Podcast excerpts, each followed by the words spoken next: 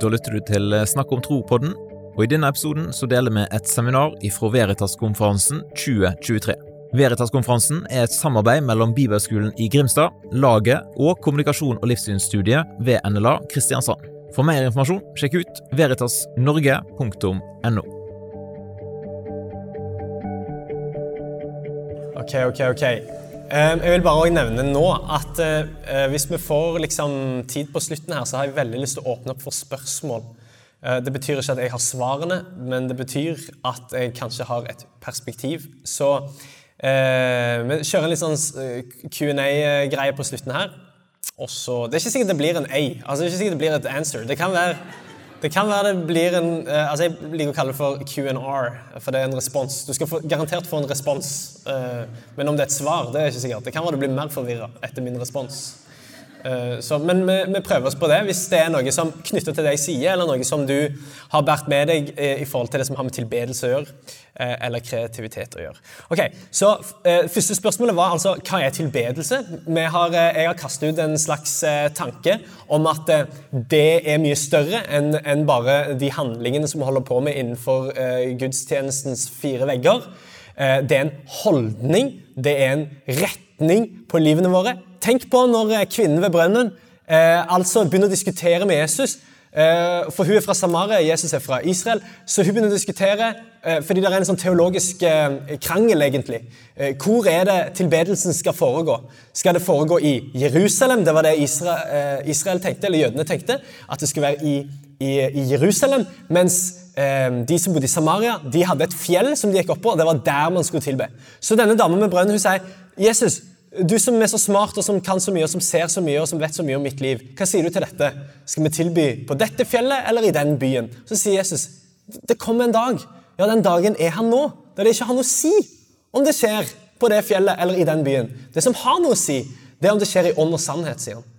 Det, har, det, kommer en dag der det ikke har noe å si hvordan handlingen ser ut sånn helt konkret. Men det som har noe å si, er om det skjer i ånd, altså med din personlighet og med din ærlighet, og om det skjer i sannhet, altså om det skjer i overensstemmelse med Guds ord og med hans hensikter.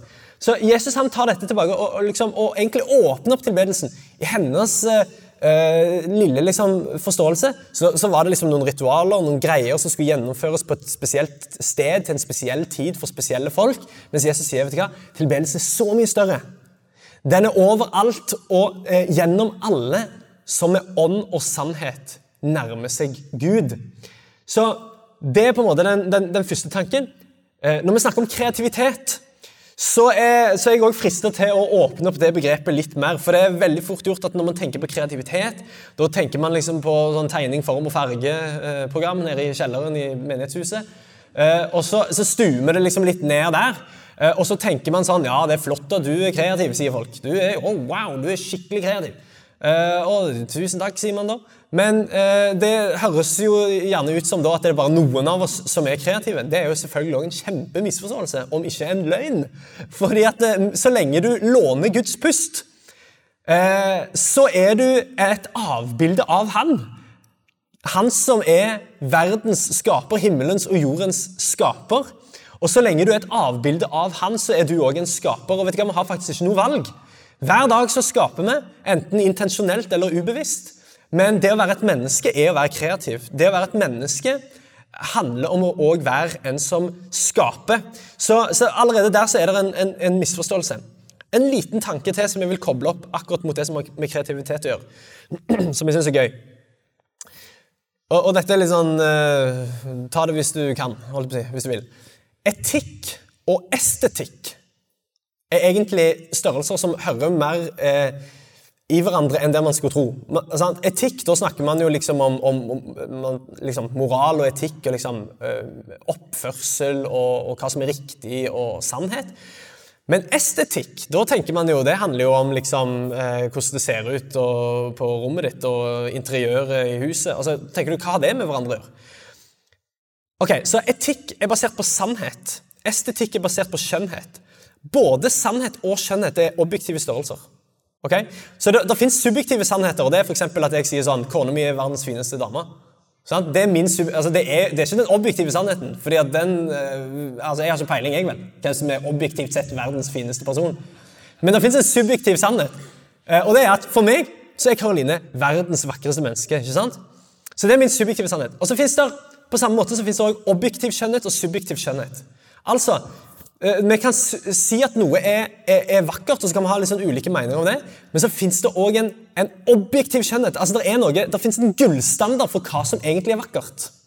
Og Det er derfor man synger i, i uh, Marie Hognestad sin sang 'Jesus, Jesus, du er skjønn og herlig'. Og Det er sånn merkelige ting å synge, men så er det sant. Det er ingen som er mer vakker enn han. Og det er ingenting som er mer vakkert enn hans natur. Og det er ingenting som er mer vakkert enn hans karakter. Og vet du hva, Den er uavhengig av hva du måtte mene og føle om alt mulig annet, så fins det en objektiv skjønnhet. Så på en måte så kan man si at kreativitetens oppgave er faktisk å fange det guddommelige og hente det ned inn i det hverdagslige. Kreativiteten handler rett og slett om å prøve å få tak på det som er utenfor liksom, vår umiddelbare fatteevne. Eh, og, I dag så snakket vi om fornuft og fantasi. Liksom det som er litt større enn fornuften. Det som også Bibelen er, er, er innom og kaller for altså det som, er, det som overgår all forstand. og det, det er faktisk en skjønnhet som overgår all forstand. Og Det er kreativitetens oppgave. Å prøve å hente ned det guddommelige, få tak på det guddommelige og gjøre det tilgjengelig for de som med fantasien sin nærmer seg Gud. Og Det er det som virkelig god kunst, f.eks., eller virkelig god arkitektur eller musikk, eller til og med en bra film, ja, til og med et godt måltid, kan jo være en åndelig opplevelse. Sant? At, at, jeg husker en gang eh, altså Jeg er jo pinsevenn, så jeg begynner jo å be tunger av alt mulig rart. Men jeg husker jeg var, så en film på kino, og det var en actionfilm. sant? Eh, og under rulleteksten så bare sånn Shit, shabba da santi. Sant? Så holdt jeg, holdt jeg, det gående. For det var bare sånn, det traff meg så sinnssykt, den filmen. Det bare, Om du ber i tunger nå, det er veldig rart på kino. Men det var bare sånn bare, det, var bare sånn, det var en sånn sterk opplevelse av at, det, at en film som handler om, liksom, om, om, rettferdigheten som seirer til slutt. og Jeg ble helt sånn betatt av det. sant? Men er det ikke det kunsten kan gjøre med oss? Musikken kan gjøre med oss. Filmen kan gjøre med oss. Maleriet kan gjøre med oss. At han, at, at han får tak på noe som nærmest er guddommelig, og så får man nærmest en åndelig opplevelse av det som har skapt med hendene våre. Kanskje er det nettopp det som er kreativitetens oppgave. Ok, Jeg lar dette ligge litt, og så kan du ha dette som liksom i bakhodet. Og så har jeg lyst til å bare ta deg med på en en, en liten tanke her. Jeg vet ikke om du er sånn som meg, da. Sannsynligvis ikke. Men jeg er sånn som blir prinsipielt irritert når naboen min er hyggeligere enn meg. Da får jeg liksom, da tenker, Noe er galt, tenker jeg da. Så no, i fall, eh, for Jeg har noen venner eh, og noen naboer som ikke er kristne, og da blir jeg iallfall irritert. Sant? Hvis de smiler mer enn meg. Skjønner du? Hvis de er hyggeligere enn meg i trappeoppgangen, da blir jeg sånn Hold kjeft, jeg er den kristne i blokka her. Ikke, ikke prøv deg, liksom.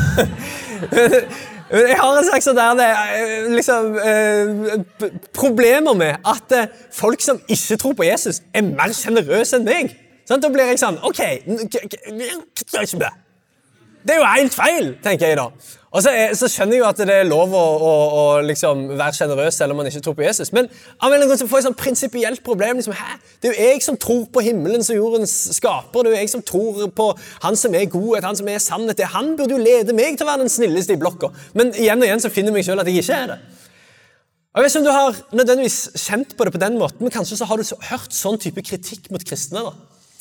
At eh, ja, ja, men de kristne står jo for like mye absurde Uh, altså, De står for like mye krig og galskap i verdenshistorien de som alle andre folkeslag. Kanskje har du hørt sånn type kritikk. Ja, men De kristne er jo like ille som alle andre. Det fins like mye galskap i kristne kretser, det fins like mye manipulasjon i kristne kretser. Det finnes, altså, Kristne er like ille som alle andre. Hvorfor skal jeg bli kristen? Kristne er jo like ille som alle andre. Og på en måte så er det jo sant, fordi vi er jo bare mennesker, vi òg. Jeg vet ikke om du har opplevd dette gapet, da mellom troen og livet, som jeg har her. På den ene siden så har du troen, og det er jo det som vi snakket om i dag, med fornuften. Der, på den ene siden så har du noe som du, som du er helt overbevist om. Sånn, det, kan være, det, kan være, bare sånn der uh, Ja, å lese Bibelen. Altså Bare for å være helt sånn banalt praktisk, da. Så kan du tenke sånn I ditt indre, i, i fornuften og i ditt intellekt så sier du vet du hva, det er himla bra og himla viktig å lese Bibelen. Sant? Og til og med så har du kanskje bestemt deg for, veldig ofte på nyttårsaften, at det neste året skal jeg lese hver dag. Sånn? Du er helt overbevist om at det er det riktige å gjøre. Det, det skal du få til nå. Jeg skal lese hver dag. Og så kjenner du at ja, men hallo, det er et gap her. Det er noe som jeg tror på, som jeg er overbevist om, men når jeg faktisk skal begynne å leve det her greiene ut, så merker jeg at det får jeg ikke til. Det er, er, er, et gap mellom troen og livet. Og Jeg skal gi deg to forklaringer nå på hvorfor det ikke alltid er like stor forskjell på den som tror og den som ikke tror, når det gjelder ren livsførsel. Okay? Jeg skal gi deg to, eh, to forklaringer på hvorfor det kan være sånn at du ikke er eh, Eller, eller for å si sånn, at naboen din er hyggeligere enn deg. Okay? Så det er, er, to grunner til det. Det første, den første forklaringen det er en teologisk forklaring. og Den går sånn Alle mennesker er skapt i Guds bilde, og alle mennesker har falt. Okay. Det er forklaringen på hvorfor det ikke alltid er like stor forskjell på den som tror og den som ikke tror. Fordi at alle mennesker, uavhengig av tro, uavhengig av hva man tilber, uavhengig av om man sier man er kristen eller ikke, uavhengig av hva slags tro man har, så er man uansett skapt av Gud. Det betyr at det er noe av Gud i ethvert menneske. Kan ikke, det, det, kan man ikke eh, liksom skyve under teppet. Det er noe av Guds visdom i alle mennesker. Det er noe av Guds kraft, det er noe av Guds kjærlighet, Guds godhet, Guds kreativitet i alle mennesker. Hvorfor? Jo, fordi at vi alle sammen er skapt i hans bilde, og vi alle sammen låner Guds pust. Akkurat nå så puster vi fordi han har blåst sin livspust i oss, men på vår siste dag så skal vi gi pusten tilbake igjen. Og så skal vi bli igjen til støv fra jorden. Så så lenge du lever, uavhengig av hva du tror på, så låner du Guds pust. Det er noe av Guds ånd i ethvert menneske. Det er det som bl.a. gjør at eh, vi som kristne står opp for livet. Fra unnfangelse til naturlig død. Hvorfor det? Jo, fordi at det er noe av Gud i ethvert menneske. Uavhengig av hvilken samfunnsøkonomisk verdi den toåringen har. Så er det noe som, som, som gjør den uendelig verdifull likevel. Og det er først og fremst fordi han er skapt i Guds bilde av en skaper som elsker uansett mye mer enn det vi kan gjøre. Så det er på en måte den ene siden av saken. Alle mennesker er satt i Guds bilde. Det betyr at det fins noe bra i alle mennesker. Men det som òg er viktig å huske på, det er at alle mennesker har falt. Alle mennesker har, er utenfor. sant? Alle mennesker eh, har gått på trynet. Alle mennesker har egoisme. Alle mennesker har synd.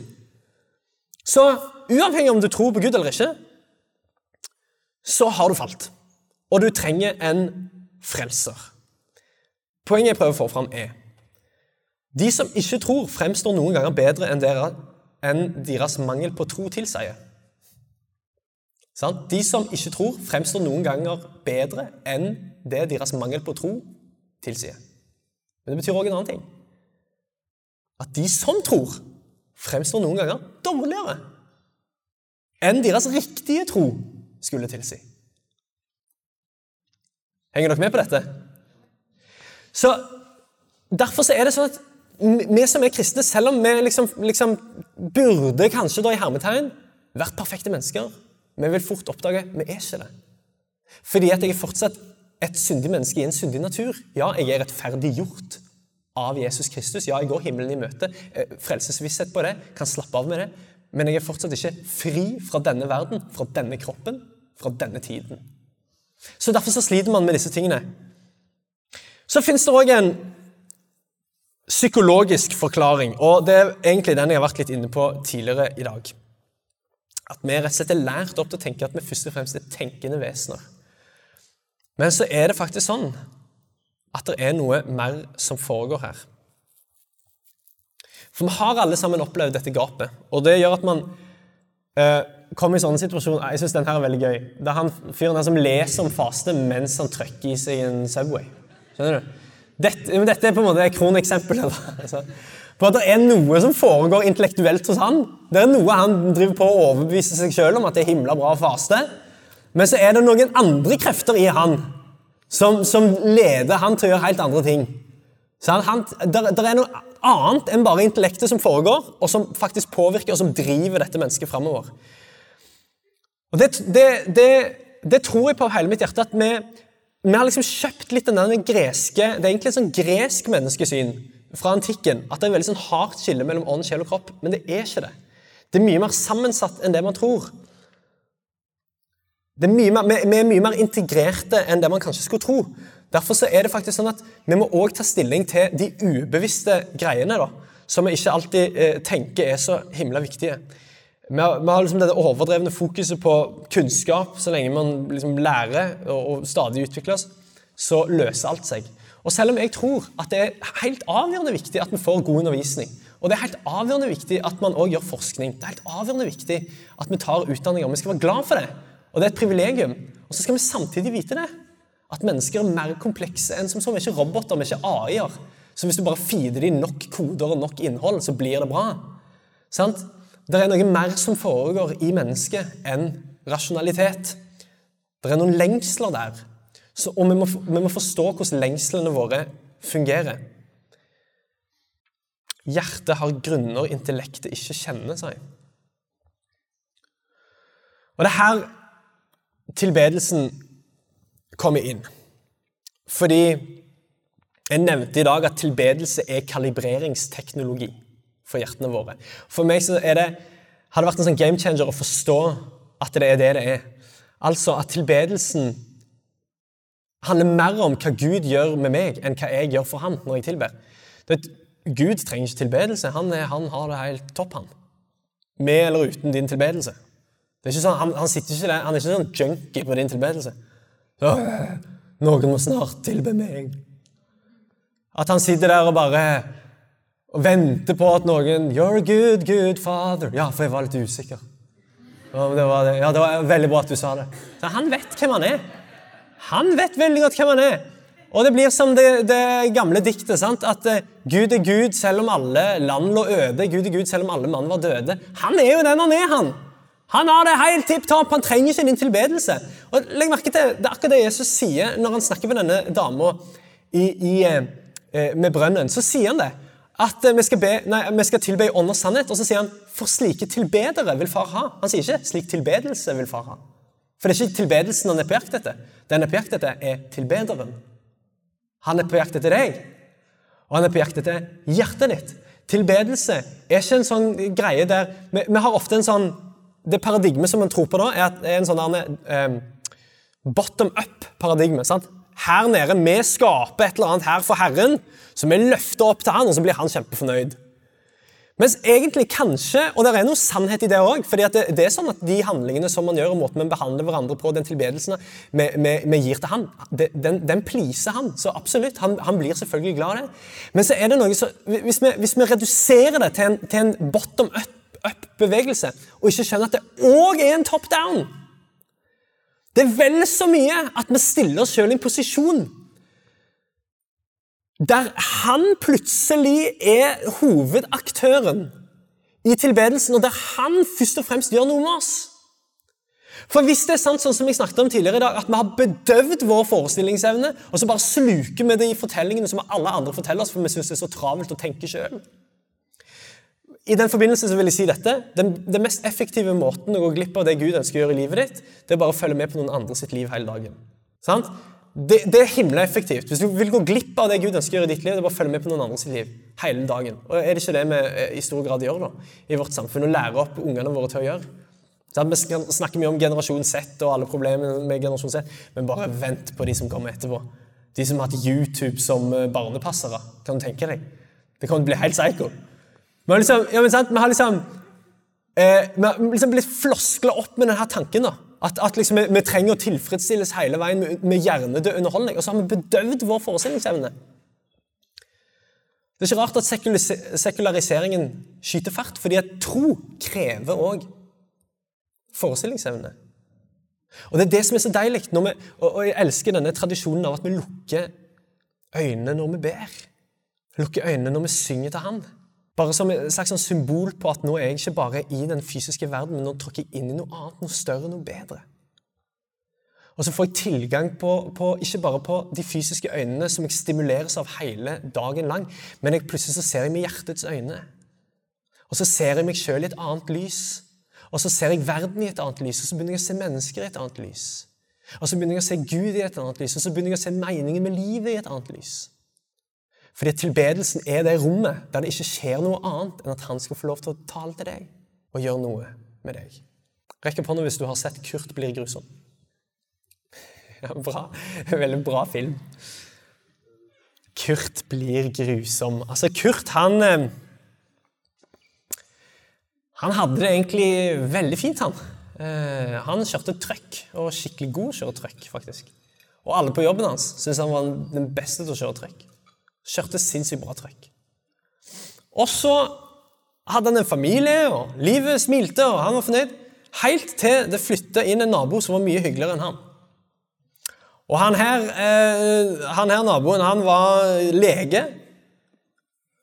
Og, eh, og eh, bygde svømmebasseng i hagen og arrangerte de feteste festene. Og sånn, og, til og med så sjarmerte han kona til Kurt litt. Så da eh, ble jo Kurt litt sånn der OK, det er faktisk kulere ting i verden enn å kjøre trøkk, har jeg funnet ut nå.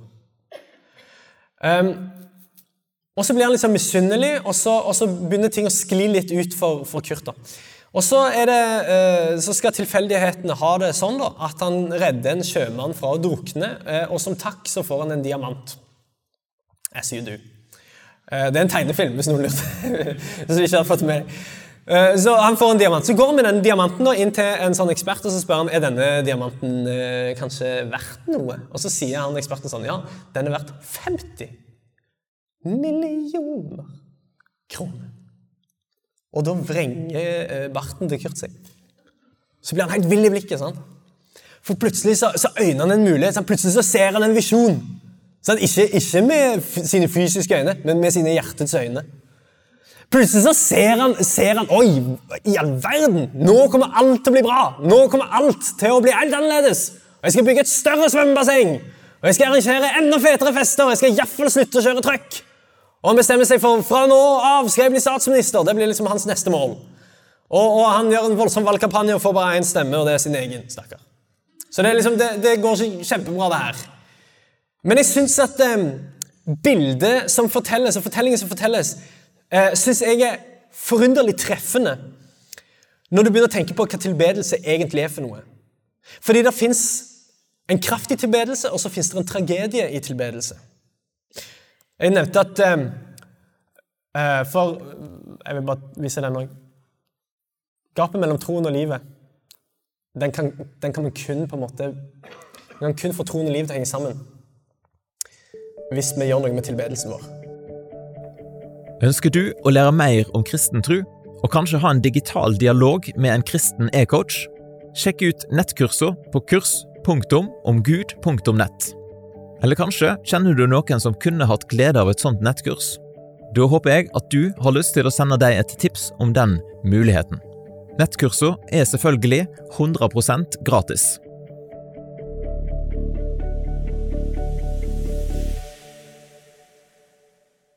Jeg nevnte i dag at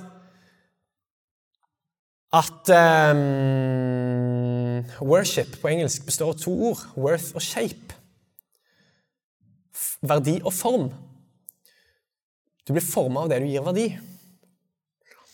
Og Før vi åpner opp for spørsmål her på slutten, så hadde jeg bare lyst til å vise deg denne dette, um, disse versene fra Salme 135.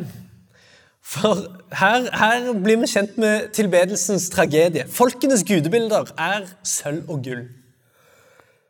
Menneskehender har laget dem. De har munn, men kan ikke tale. De har øyne, men kan ikke se. De har ører, men kan ikke høre. Det er ikke pust i deres munn. Og så står det 'slik blir også dem som lager dem', og alle som setter sin lit til dem. Sånn blir òg de. Skjønner du? Det, folkenes gudebilder. For, for tingen er at Hvis ikke du tilber Jesus, så tilber du noe annet. For vi er tilbedende mennesker. Det, det, er bare sånn man er. Alle mennesker tilber. Spørsmålet er ikke om, men hva. Men folkenes gudebilder de er kanskje av sølv og gull. De ser kanskje bra ut. De er kanskje attraktive, men de er bare lagd av mennesker. De har ingen egentlig verdi. De har munn, men de kan ikke tale. De har øyne, men de kan ikke se. De har ører, men kan ikke høre. De har, det er ikke noe pust i deres munn. Og sånn blir òg de. Som lager de, og alle som setter sin lit til de. Dette er tilbedelsens tragedie. Du blir redusert til det du tilber. Men for den som tror på Jesus, og det er dette som jeg synes er så vakkert, det er at når du, når du setter din lit til Jesus, han som har munn og som kan tale, han som har øyne og kan se, han som har ører og kan høre, han som der er en pust i munnen hans, han som er den første og den siste og den levende, som det står i åpenbaringsboken. Ja, han får òg synet igjen. Den som tilber Jesus, får synet igjen, som begynner å se, ikke bare med fysiske øyne, men med hjertets øyne. Vi får òg ørene tilbake, hørselen tilbake, så man faktisk hører det Ånden sier og gjør. Man får plutselig tilgang på et større univers. Og det er dette som er tilbedelsens kraft. Når han er retta mot Jesus, og så er det det som er tilbedelsens tragedie når han er retta mot noe annet. Dette er det siste jeg skal ta fram her. David Foster Wallace. Han tok sitt eget liv i 40-årsalderen, men rakk å bli en eh, stor eh, skribent og forfatter. Han har ingen teologisk agenda med å si det jeg skal lese til deg nå. Og vi vet egentlig ingenting om hans tro. Eh, han har egentlig aldri sagt noe om at han er kristen eller bekjent troen sånn, men likevel så er det akkurat som det har gått opp noe for han når det gjelder tilbedelse. Han sier dette. Hvis du tilber penger og ting, hvis det er der du finner virkelig mening i livet, vil du aldri få nok. Føle at du aldri har nok. Det er sannheten. Tilbe din egen kropp, skjønnhet og seksualitet, og du vil alltid føle deg stygg. Og når alderdommen begynner å vise seg frem, så vil du dø en million ganger før den endelig tar deg. Tilbe makt, og du vil føle deg svak og redd, og du vil trenge stadig mer makt over andre for å holde frykten i sjakk. Tilbe intellektet ditt, og du vil ende opp med å føle deg dum eller falsk. Alltid på nippet til å bli oppdaga. Og så sier han det lumske med disse formene for tilbedelse er ikke at de er onde eller syndige. Det er at de er bevisstløse. De er standardinnstillinger De er den typen tilbedelse du bare gradvis glir inn i. Dag etter dag. Mens du blir mer og mer selektiv for hva du ser, og hvordan du måler verdi, uten at du engang er klar over at det er det du gjør. Tilbedelsens tragedie når den er feilkalibrert. Så hvis vi vil at troen og livet skal henge sammen, føres sammen, så kommer man ikke utenom at vi må gjøre noe med tilbedelsen vår hva vi gir fokus, hva vi ser på, retningen på livene våre. Og så tror jeg vi alltid vil være i denne kampen, for vi, har, vi er i denne verden, vi har, vi har, denne kroppen. Vi er fortsatt mennesker. Men den eneste måten å føre fornuften og fantasien sammen, det er å begynne å gjøre noe med tilbedelsen vår. Det er, det er kalibreringsteknologien som gjør deg heil. Amen. Amen. Du, jeg vet at dette er mange ting, og det er mye greier å liksom fundere på og tenke på. Og det kan være du er mer forvirra enn du var når du kom inn. Eh, det lever jeg fint med. Det var det for så vidt sånn med Jesus. Når han talte, de skjønte jo ingenting. Etter Jesus var ferdig å snakke, så sånn, hva, hva var det han snakket om? Skjønte du det? Skjønte du det? Ingen skjønte det. Sånn var det òg med meg. Så, um, uh, men jeg tror det er noe her. Så, så, så ta det til deg og, og, og se hva Den hellige ånd vil vise til deg når du går disse prosessene. Jeg hadde lyst til å bruke de siste fem minuttene på å gi muligheten Hvis det er noen spørsmål Det betyr ikke at det må være det, men hvis det er noe som er litt sånn usagt, eller hva mente du med det, Thomas, eller, eh, eller bare et innspill, whatever, så har vi fem minutter. Og da bare gauler du der du sitter, og så eh, skal jeg komme med en respons. Vær så god. Eh, jeg kunne bare sagt på et par setninger hva var det du mente egentlig med at tilbedelse var som broen mellom tro og liv? Ja, Det jeg mente, var bare at det gapet som fins mellom, mellom, det som man tenker liksom, i fornuften, og det som man kjenner at lengslene våre, våre, driver oss til å gjøre. Altså at det kan være en dissonans der. Det er noen ting som jeg tenker sånn Dette er riktig og bra. Eller sånn som Paulus eh, sa det, at eh, de tingene som jeg vil gjøre, de gjør jeg ikke, og de tingene jeg gjør, de vil jeg ikke. Altså, Man kjenner på denne Eh, denne vanskeligheten. Da. Eh, så tror jeg at eh, grunnen til at jeg sier at tilbedelsen er den broen, og er den rekalibreringsteknologien, er fordi at tilbedelse er loada med historier. Sant? Så sagt på en annen måte så, så tror jeg Hvis at vi skal sørge for at troen og livet henger sammen, i den forstand at, at eh, det man er overbevist om, og faktisk handlingene våre er integrert, så tror jeg at vi både A må befri oss fra en del fortellinger som, som fortelles i samfunnet vårt, som vi bare sånn ubevisst har, har, slukt om hva som er et godt liv, hva som tilfredsstiller meg, eh, hva som er meningsfullt, osv. Og, så og så må man be eh, faktisk sette seg sjøl i en posisjon der man kan få konkurrerende fortellinger om hva som er meningsfullt, hva som er verdifullt, osv. Og, så og det tror jeg tilbedelsen gjør. For tilbedelsen er Eh, når vi står der og synger eh, og er i gudstjenesterommet, når vi tar nattverden, eh, når vi tenner det lyset Alle de tingene som man kanskje kan gjøre i en liturgisk sammenheng. Da, alle de handlingene der er designa for å hjelpe oss sjøl og, visualisere oss sjøl inn i en annen historie.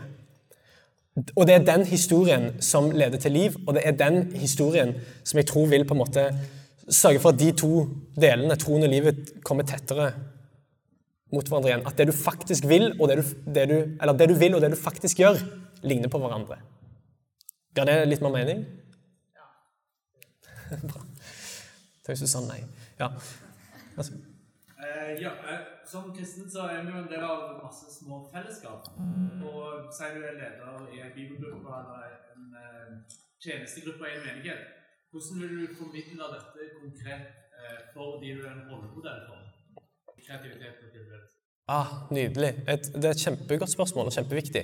Og det er klart at På Veritas så får, eh, får du jo masse liksom, mat for, for, intellektet og for tanken, og sånn. Og så er det jo noe med å omsette det her. Um, altså, jeg tenker jeg, jeg, tror jo på historier, da. Eh, å fortelle historier. Og kanskje er det det viktigste vi gjør i alle typer fellesskap. Enten det er et stabsmøte eller en ungdomsgruppe eller whatever. Det å faktisk fortelle historier. Ikke bare fortelle hva man vil få til, men faktisk fortelle historier som implisitt forteller historien om hva du vil få til. Det er det som forandrer verden. Det er lignelsene til Jesus. Han kunne jo bare sagt Hei, eh, samaritanerne kan òg være snille. Så Han kunne sagt det, men han fortalte heller en historie som bare, bare liksom snudde opp ned på hele folks eh, liksom, forståelse av hvem som egentlig er, eh, som lever eh, i tilbedelsen, og hvem som egentlig er, gjør noe på vegne av Gud. Så, så, historier, det å leite etter historier, hvis du er en leder, det å faktisk gå til aktivt leite etter historier som prøver å, å, formidle det som du egentlig vil formidle, det tror jeg er liksom bare super eh, gull verdt. Og så bare En rask tanke som jeg fikk også når du spurte spørsmålet, er og Det hørte jeg nylig noen andre si. Uh, og det er Når man Han som sa dette, han sa det i lys av at når, han, når de så liksom, film, han og kona satt og så film, så pleide de å kommentere liksom, ting hvis de syntes noe var super lame i filmen. Så, liksom, at de gjorde det som en del av det å se film. der man sitter og kommenterer. Så, det der hadde jo aldri skjedd i virkeligheten. Eller sånn, hallo, ingen gjør sånn. Og så På en måte så er det litt sånn irriterende med de folka som sitter og kommenterer filmer. Men så begynte han å, å, å si at dette er egentlig ganske viktig, òg eh, i en familie. At når, faktisk, eh, når man faktisk blir konfrontert, eller bare blir servert historier som egentlig er dårlige, eller som egentlig beror seg på en fortelling om hva det vil si å være menneske, som egentlig leder til død, og, og, og bare eh, er dårlige. Det å faktisk gi de små kommentarene på det der, hadde, det der, er jo helt usannsynlig, eller så dumt at noen tenker sånn, eller typisk Hollywood å gjøre det og det og det og mene sånn sånn, sånn. Det er faktisk si de tingene, eh, og faktisk sette ord på det. Og så skal vi ikke være liksom bare negative for å være negative. Men jeg tror man kan komme med sånne små drypp òg når man er en leder for en gjeng. og liksom, kan man snakke om ting som skjer i verden, og ting som influensere sier, eller whatever. da. Gi sånne små kommentarer eh, som, som, egentlig hinter til at vet du det fins en større fortelling. Ikke bare stol blindt på det, eller tro på det, men det er en større historie som fortelles. Um, så gjennom de små kommentarene, kombinert med å faktisk fortelle historier som, som reflekterer evangeliet, det tror jeg vi aktivt kan gjøre da, i en sånn type setting. Ok, Siste spørsmål bak der. Det er et Kjempegodt spørsmål. Jeg vet ikke om jeg klarer å svare bra på det.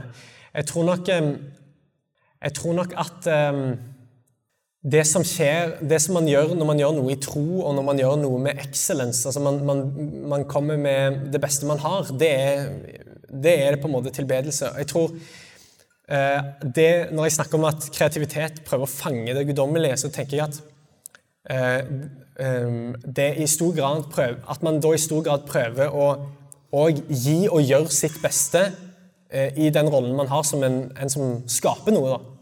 Enten det er på regnskapskontoret eller det er på, liksom, med malerkosten.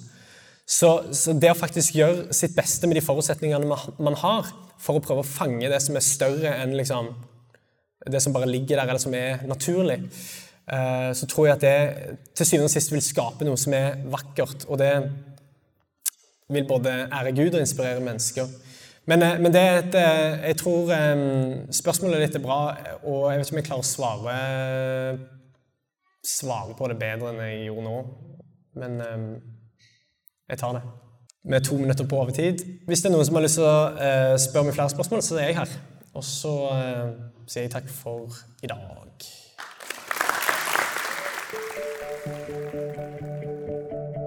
Vil du lære mer om kristen trosforsvar? Ta turen på neste Veritas-konferanse, eller sjekk ut ressursene på snakkomtro.no.